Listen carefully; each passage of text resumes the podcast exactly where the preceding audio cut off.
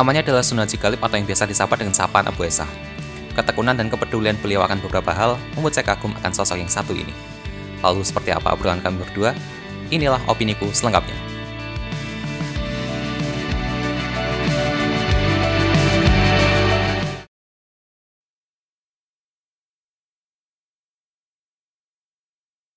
Assalamualaikum kembali lagi di Opiniku bersama saya Gunugro dan kali ini saya ditemani oleh seorang relawan ACT sekaligus bagian hidroponik. Beliau adalah Bapak Abu Esah.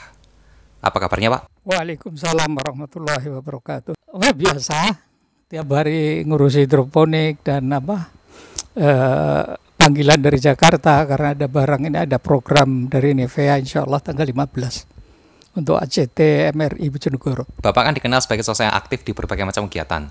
Kira-kira bagaimana cara Bapak manajemen waktu? Enggak masalah mas, karena uh, untuk hidroponik itu kan setelah kita tanam, kita tinggal aja, kita kontrol airnya, kemudian sudah selesai. Kemudian kalau ada perintah dari Jakarta atau dari kawan-kawan di Bojonegoro, kebetulan ini tanggal 19 sih akan ada uh, World Clean Up di Bojonegoro di Bengawan Solo. Nah kita sudah siapkan kemarin kita sudah ambil apa perahu karet dari Madiun yang punya ACT Bojonegoro, eh, ACT MRI Bojonegoro, perahu karetnya juga uh, safety helmet, kemudian safety life jacket dan sebagainya semua sudah siap. Jadi untuk membagi waktu nggak sulit saya. Setelah hidroponik uh, pagi saya siapkan semua hidroponik, kemudian siang itu mengurusi uh, MRI dan ACT gitu aja. Berarti ini sudah partisipasi yang keberapa kali Pak? Teman-teman ACT Bojonegoro ikutan dalam acara What Clean Up di Bojonegoro? Ini baru saya kemarin dapat undangan dari kawan-kawan komunitas lain Mas. Jadi ini baru pertama kali kayaknya. Iya, tanggal 19 itu. Nanti dari berbagai komunitas. Dan kita kebetulan ACT MRI Bojonegoro itu punya perahu karet. Saya minta kemarin dari Jakarta itu perahu karet itu dipakai atau tidak dipakai 10 tahun itu sudah aus jadi kita manfaatkan untuk uh, water rescue atau seperti halnya pembersihan di Bengawan Solo itu atau lain-lain yang berkaitan dengan uh, keselamatan di air. Berarti secara nggak langsung berjejaring, berkumpul dengan berbagai macam orang yang berbeda-beda merupakan suatu hal yang sudah Bapak sukai sejak lama ya Pak? Itu sudah saya sukai sejak saya bekerja memang uh, saya selalu bergerak di bidang uh, humanity, uh, kemanusiaan. Jadi melakukan kegiatan yang bersifat kemanusiaan itu bukanlah sesuatu yang dicari, melainkan berdasarkan panggilan hati kita sendiri ya Pak? Iya benar Mas. Ini memang apa soal kerelawanan kemanusiaan itu memang panggilan dari jiwa. Jadi kita nggak bisa paksakan. Walaupun saya setiap eh, di seluruh Bojonegoro itu saya punya relawan, kemudian punya grup juga ketika saya eh, eh, unggah atau posting di grup ada kegiatan begini mereka langsung ini langsung apa langsung respon. Jadi eh, panggilan hati itu langsung itu. Nah ini tanggal Insya Allah tanggal 15 itu ada program Nivea itu. Yang tadi saya katakan itu ada program Nivea untuk eh, daerah terdampak COVID. Itu yang untuk eh, kemudian yang untuk pangannya itu untuk eh, komunitas Yatim Piatu tanggal 15 jadi ketika nanti saya sedang menunggu ini kemarin sudah saya di WAD ini mudah-mudahan jadi tanggal 15 itu mereka kirim eh, kalau memang sudah datang saya tentu share di grup kemudian yang punya jiwa kerelawanan langsung itu bermunculan satu-satu. Pernahkah istri atau anak Bapak itu cemburu bahkan protes melihat Bapak sangat aktif berkegiatan sosial? Enggak, mereka keluarga saya mendukung bahkan ketika banjir tahun 2008 itu awal 2008 mereka semua terjun mas entah itu bawa natura, entah bawa nasi bungkus, entah bawa air, mereka semuanya terjun dari anak saya, anak, anak saya, istri saya, anak saya tiga eh, perempuan, perempuan laki-laki itu terjun bawa istri saya juga selalu mengikuti itu kegiatan pada tahun 2018 di seluruh Bojonegoro. Kalau saya sendiri memang aktif uh, uh, dari pagi sampai mulai pukul 6 itu kita sudah berangkat dari sepanjang aliran Bengawan Solo itu kita datangi, kita santuni dengan barang-barang yang dari eh, donatur eh, ke seluruh eh, terdampak. Jadi sampai kadang-kadang jam 10 malam, jam 11 malam itu pagi. Ke pagi jalan lagi dengan tim dari Jakarta itu. Tadi kan Bapak menyebut jika anak-anak dan istri Bapak sekarang ini juga ikut berkegiatan sosial.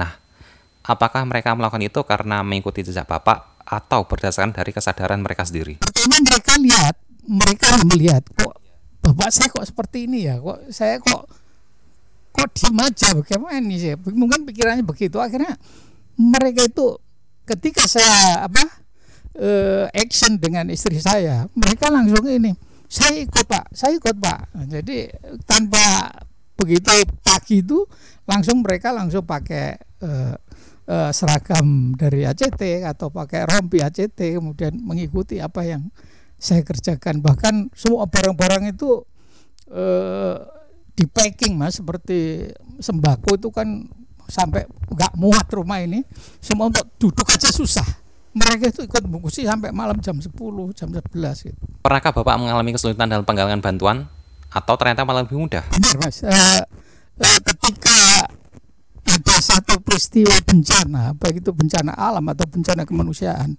itu langsung saya laporan ke Jakarta atau ke wilayah Surabaya itu langsung direspon di sana. Keperluannya apa saja? Saya rinjikan keperluannya ini, ini, ini, ini, ini. Kemudian bantuan itu mengalir aja begitu.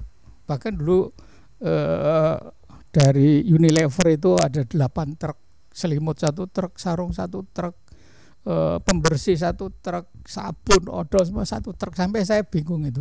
Belum lagi yang dari Exxon waktu itu dari Pertamina dari bank semua dari pokoknya ketika ada bencana begitu yang memerlukan bantuan uh, donatur itu tiba-tiba begitu saja sampai iya datang sampai eh, orang-orang depan rumah itu bingung Pak Abu ini sedang apa ya katanya? Begitu lihat kegiatannya ada ACT mobil ACT berderet-deret dan ngangkuti barang mereka baru tahu oh mau baksos katanya gitu. Orang seperti apa Pak yang disasar duluan untuk menerima bantuan dari Bapak dan teman-teman ACT yang kita sasar itu memang mereka-mereka yang terdampak mas. Pertama mereka-mereka yang terdampak terlebih orang-orang yang yang miskin dalam hal materi atau miskin dalam hal sesuatu yang dia butuhkan. Jadi itu yang kita sasar dulu. Kalau saya dulu melihat itu waktu banjir 2008 itu Mas. Eh, rumah itu sudah disasak dengan apa sampah seperti itu saya lihat wah mengerikan Mas. Sampai jalan untuk jalan aja sulit itu mobil itu pulang mobil itu sudah gibel nggak karuan mau dicuci udah nggak ada waktu karena pulangnya kan jam 11 malam 10 malam. Jadi pagi itu kita berangkat lagi dengan mobil yang kotor lagi. Jadi itu yang yang kita utamakan memang daerah-daerah yang terdampak di pinggir bengan di daerah aliran sungai kemudian di kota-kota yang di mana air eh, merendam mereka sampai berhari-hari. Itu yang kita utamakan. Seberapa perlu sih Pak kegiatan sosial ini harus tetap ada untuk menjembatani antara yang kurang mampu dengan yang mampu. Memang kita harus menyadarkan komunitas, menyadarkan orang-orang bagaimana kita supaya uh, uh, bantuan sosial ini tetap ada. Jadi kesenjangan antara yang kaya dan miskin itu tidak terlalu jauh gitu. Sekarang ini kan begitu jauhnya sehingga yang miskin ya miskin aja saya lihat. Tapi dalam hal ini kita juga butuh ini butuh survei kan mana itu seperti miskinnya seperti apa atau kadang-kadang kalau saya melihat setelah bencana itu kan ada problem lain namanya eh, DB itu problem lain mas. Begitu banjir selesai air menggenang di situ nyamuk mulai beroperasi beroperasi. Kemudian kita kan harus segera ini apa yang dilakukan? Setelah itu kita setelah kita lakukan itu kemudian kita adakan recovery apa yang harus kita kerjakan setelah banjir itu gitu.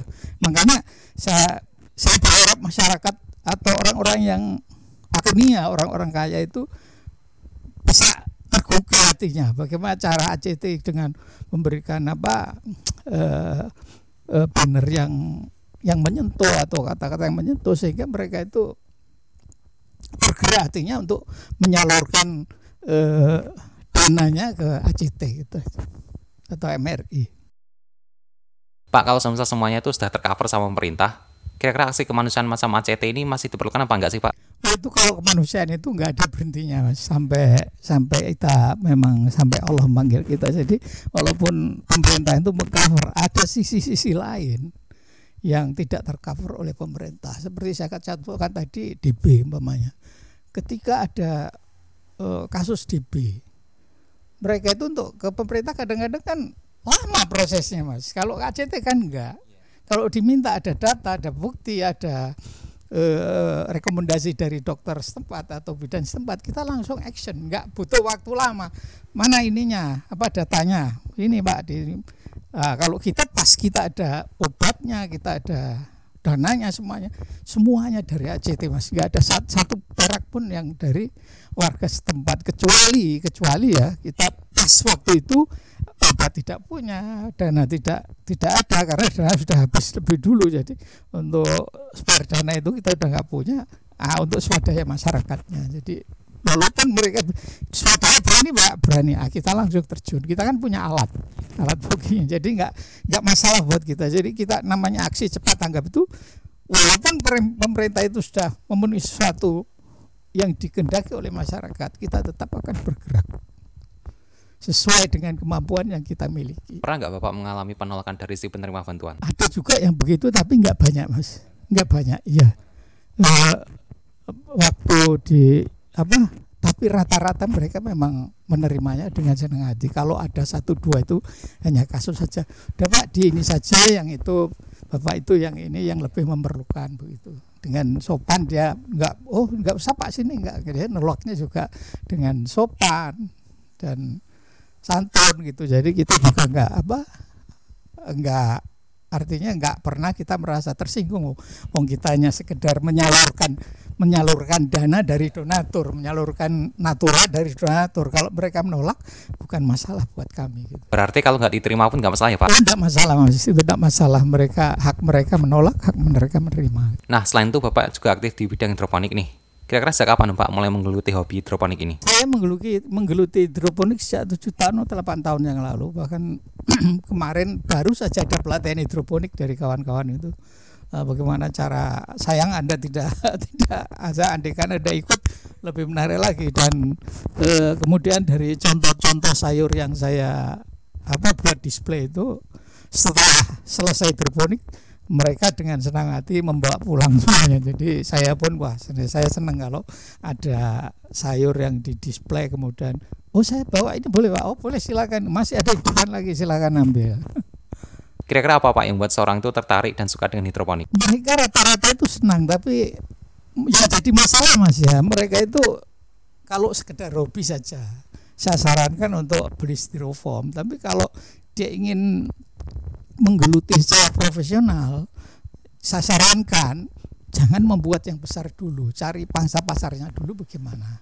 Pangsa kalau andekan pangsa pasarnya itu butuhnya 100 atau 2 kilo sehari ya tanamlah 200 2 kilo sehari atau 3 kilo sehari sebab itu hidroponik itu kalau sudah kelewat apa kelewat waktunya itu juga apa ada apa enggak rasanya juga beda mas enak hidroponik itu enak kalau dia antara kalau andekan panennya itu 35 hari itu enak umur 28 sampai 32 itu enak sekali itu hidroponik itu enak sekali. Apakah Bapak juga menyalahkan jika ada seorang pemula yang baru saja terjun menggeluti hidroponik ini, tapi yang dipikirkannya itu hanya soal profit melulu? Kalau mas berpikiran seperti itu mereka kalau kalau mereka kalau saya tanam hidroponik ini mesti profit karena hidroponik itu apa eh, beda dengan apa tanaman konvensional. Sebenarnya sebenarnya yang yang membedakan itu penampilan mas. Kalau tanaman konvensional setelah dicabut kan layu.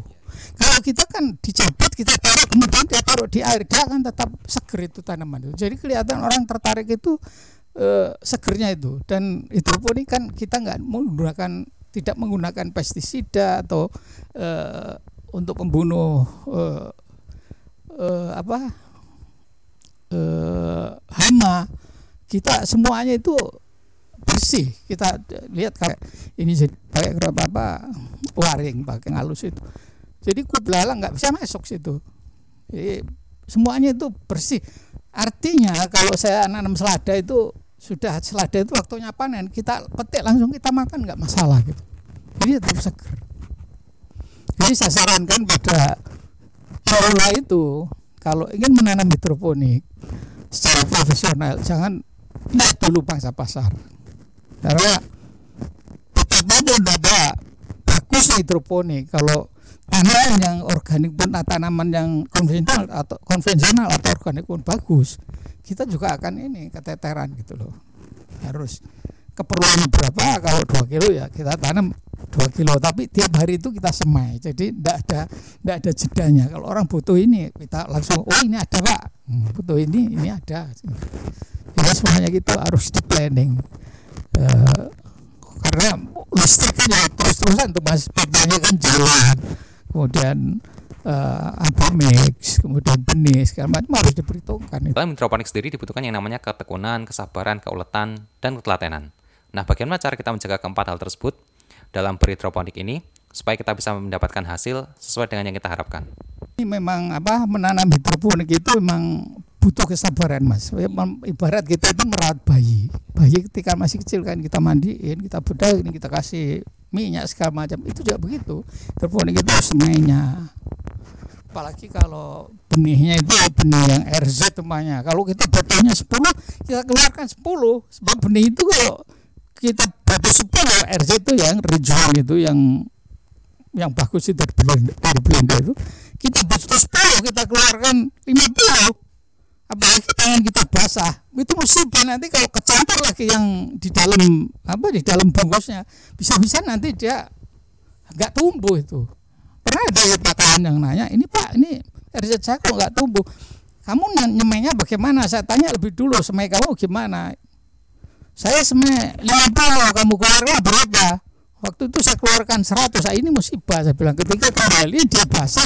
Nggak mau dia mungkin terkontaminasi dengan virus lain atau ini lain jadi masukkan situ jadi rusak. Jadi ketika kita menanam hidroponik itu memang butuh satu kesabaran.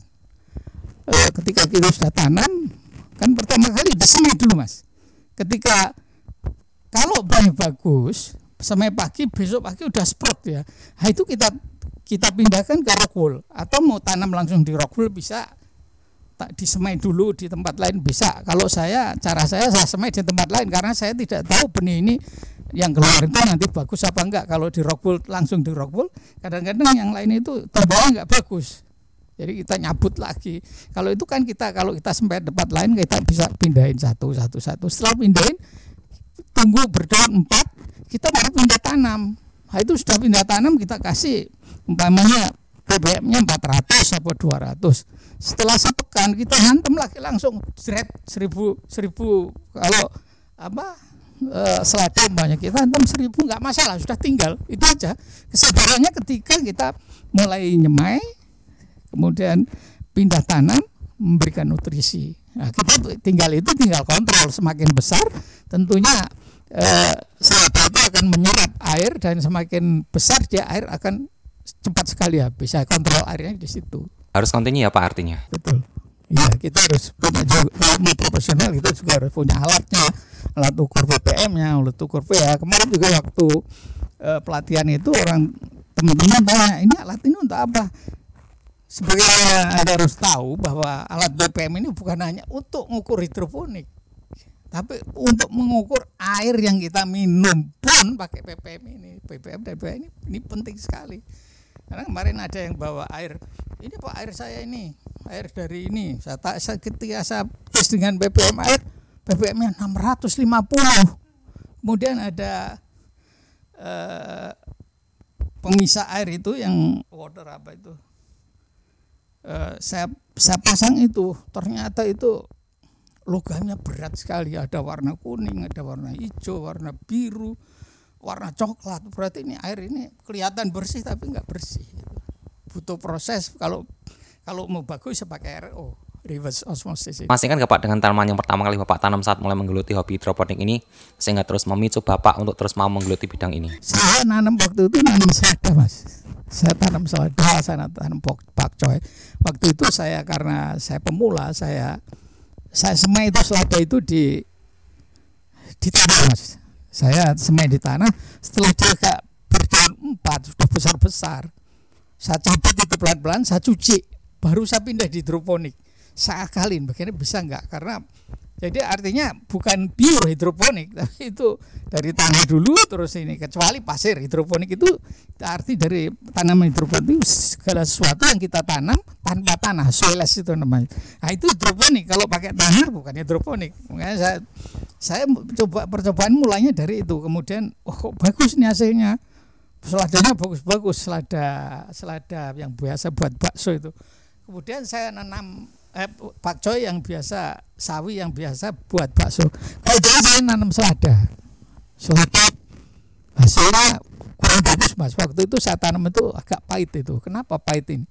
Ternyata kalau dia pH-nya tinggi dia pahit. Begitu juga kalau apa panas terlalu panas dia pahit. Jadi ketika panas terik itu getahnya itu naik kayaknya. Jadi kadang-kadang makanya saya kalau ada teman Pak selada saya saya panen kok pahit. Pertama saya bilang memang satu memang benihnya itu jenis pahit. Yang kedua salah manennya. Manennya kalau enggak apa? Kalau enggak pagi sekali atau malam untuk menghindari pahitnya itu. Kalau dari pagi sampai malam masih pahit, setelah itu kita cabut pagi, kita taruh di air supaya dia netral dulu. Nah, baru itu pahitnya akan terurai mas jadi getahnya akan terurai dia tidak pahit tapi selama saya menanam selada itu nggak ada terasa pahit. Karena saya sistem saya pakai rakit apung yang saya ketahui dari kabar yang beredar ternyata Bapak juga membimbing beberapa sekolah dalam berhidroponik nah dari mana mereka bisa tahu Bapak itu seorang praktisi hidroponik? Dan bagaimana respon mereka saat menggunakan jasa Bapak sebagai pembimbing hidroponik? Ke sekolah-sekolah hanya kalau istilah Jawa itu getok telur mas. Jadi orang itu tahu oh itu Pak Apa yang bisa ini dari teman-teman Konabu dulu uh, komunitas hidroponik Bojonegoro itu. Nah itu saya dengan Mbak Indah dari Indrajat itu ke sekolah-sekolah. Kemudian uh, terkenalnya itu uh, sekolah-sekolah itu uh, di, di ada guru yang datang ke sekolah situ ini kok bagus hidroponiknya? Siapa yang melatih ini? Nah, jadi dari situ mulai orang itu mengenai kenal kita di, di samping kenal Kohibu kenal juga kita gitu. Jadi eh, dalam pelatihan itu di samping saya melatih saya itu mengajari orang atau menanya nggak langsung hidroponik begini begini begini seperti contohnya saya tanya begini ada empat sebab tumbuhan itu bisa bisa itu bisa tumbuh apa sebabnya ini ada empat? Itu kan satu edukasi mas pelajaran kelas 3 SD sebenarnya. Tapi kadang-kadang mereka jawab aja nggak bisa gitu.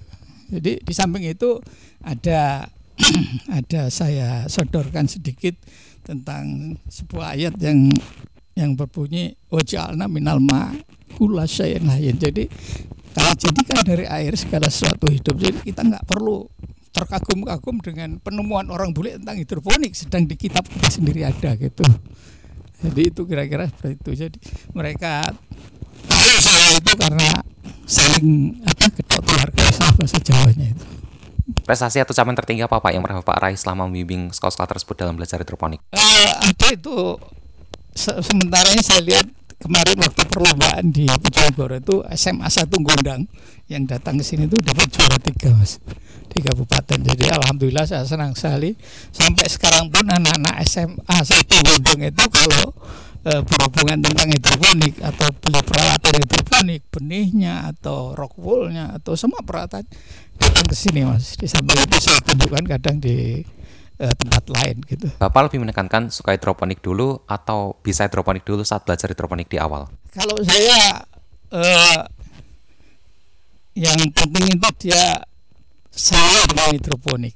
Kalau kalau sudah dia menyukai hidroponik untuk menjadi bisa itu kita bisa melatih dia dia kita bisa latih dia kamu saya, saya tanya kamu datang sini itu benar-benar pengen tahu hidroponik atau sekedar tahu atau memang pengen jadi profesional. Biasanya mereka jawab itu saya senang pak dengan hidroponik. Jadi saya ingin memulai di sini eh, nah, kalau kalau sampai itu senang hidroponik mari kita belajar bersama. Bukan berarti satu pandai enggak kita sama-sama mari kita sama-sama belajar. Kita ure apa sih hidroponik itu? Kemudian saya terangkan bla bla bla bla bla berarti hidroponik itu nggak susah ya pak selama mau belajar? Saya aja kalau belajar itu kadang di tempat-tempat jauh seperti saya di Bandungan Semarang itu belajar sama pakarnya saya mas. Sama Pak Jatmiko itu jago apa jago nutrisi itu jago economics itu Pak Jatmiko itu. Ya, pintar dia. Sampai di Bandungan saya sampai nginep di sana karena saya ingin tahunya itu bagaimana cara membuat ABMX, bagaimana menanam, bagaimana pH-nya, bagaimana ppm-nya, bagaimana dan sebagainya tentang hidroponik. Walaupun saya sudah tahu, tapi saya ingin lebih tahu lagi bagaimana jawaban teman-teman di sini. Gitu. Ya, saya lebih bisa menekankan nanti ketika saya memberikan materi, saya itu bisa bisa semuanya bisa saya berikan. Saya kalau memberikan materi nggak ada yang saya simpan mas. Jadi semua itu saya berikan sampai dia ngerti dari semai sampai dia tumbuh. Nanti dia sampai ngasih nutrisi sampai dia tumbuh dan sukses itu saya saya kasihkan semua. Jadi seperti tadi saya katakan eh, bahwa air itu ada sumber kehidupan. Kalau kita belajar dari mau belajar hidroponik lewat Google, Google lebih banyak dari kita mas. Tapi kalau kita selingi dengan adab dengan sedikit sentuhan agama insya Allah mereka itu akan lebih lebih mengena di hati jadi eh, tidaklah kalau kalau ada di surat apa itu kalau kalau kayak itu Afaritum mataharasun Tidak kalian perhatikan benih yang kalian tanam. Antum tazarun am zariun. Kamukah yang menumbuhkan atau kami yang menumbuhkan Jadi jangan sampai kita berpendapat oh saya jago berponik karena saya. Enggak. Jadi semuanya itu ada yang yang semuanya itu ada ada yang ngatur. Jadi kalau hanya belajar hidroponik sama belajar di Google aja semuanya ada. Semuanya ada. Dan lebih pintar Google itu orang juga pintar-pintar yang ada di Google. Tapi dalam ada spiritualnya ada adabnya. Kita harus bagaimana caranya? Semai harus begini. Kita harus latihan seperti ini saya bilang gitu. Ada ada harus pelatihan setelah pelatihan kita praktekkan. Kita umpama sudah sama dah kemarin dah nyemai. Ini hasilnya semaian sampean. Kemudian kita pindah. Nah, pindah tanamnya. Ini pindahnya seperti ini. Dengan begitu dia begitu sampai di rumah saya kasih ini dari apa? Dari ngomongin uang pas sepuluh ribu itu saya belikan benih saya belikan rokul sama ini. Itu saya bagi semuanya itu. Nah ini benih yang dari uang kalian itu saya belikan benih ini saya bagi. Nanti sampai ke rumah harus begini sesuai dengan pelatihan hari ini. Nah, baru mereka praktekkan. Ternyata bisa gitu. Bagaimana cara Bapak mengendal keputusasaan peserta atau yang mengeluh seperti, ah, kayak saya gagal Pak, saya nggak bisa belajar hidroponik lagi. Kira-kira gimana cara Bapak? kalau kalau begitu saya sudah bagi mas. Jangan jangan pernah putus asa. Orang jangan pernah putus asa dalam oh saya gagal menyemai. Sebabnya apa? Saya tanya sebabnya kenapa saya gagal menyemai? Oh ini saya kasih airnya kebanyakan. Kalau air kebanyakan benih akan busuk. Jelas itu benih harus langsung busuk. Harus kita harus tahu sebab-sebabnya. Orang lain dengan lewat BA saja bisa tumbuhnya bisa hidup bisa sampai panen pakcoynya bisa bagus bisa sampai panen. Masa udah habis latihan nggak bisa bilang harus sampai harus bisa dan jangan pernah putus asa. Itu saja saran saya itu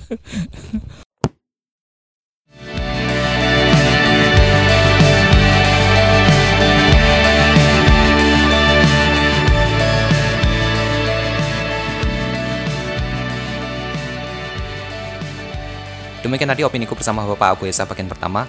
Wassalamualaikum dan sampai jumpa di bagian berikutnya.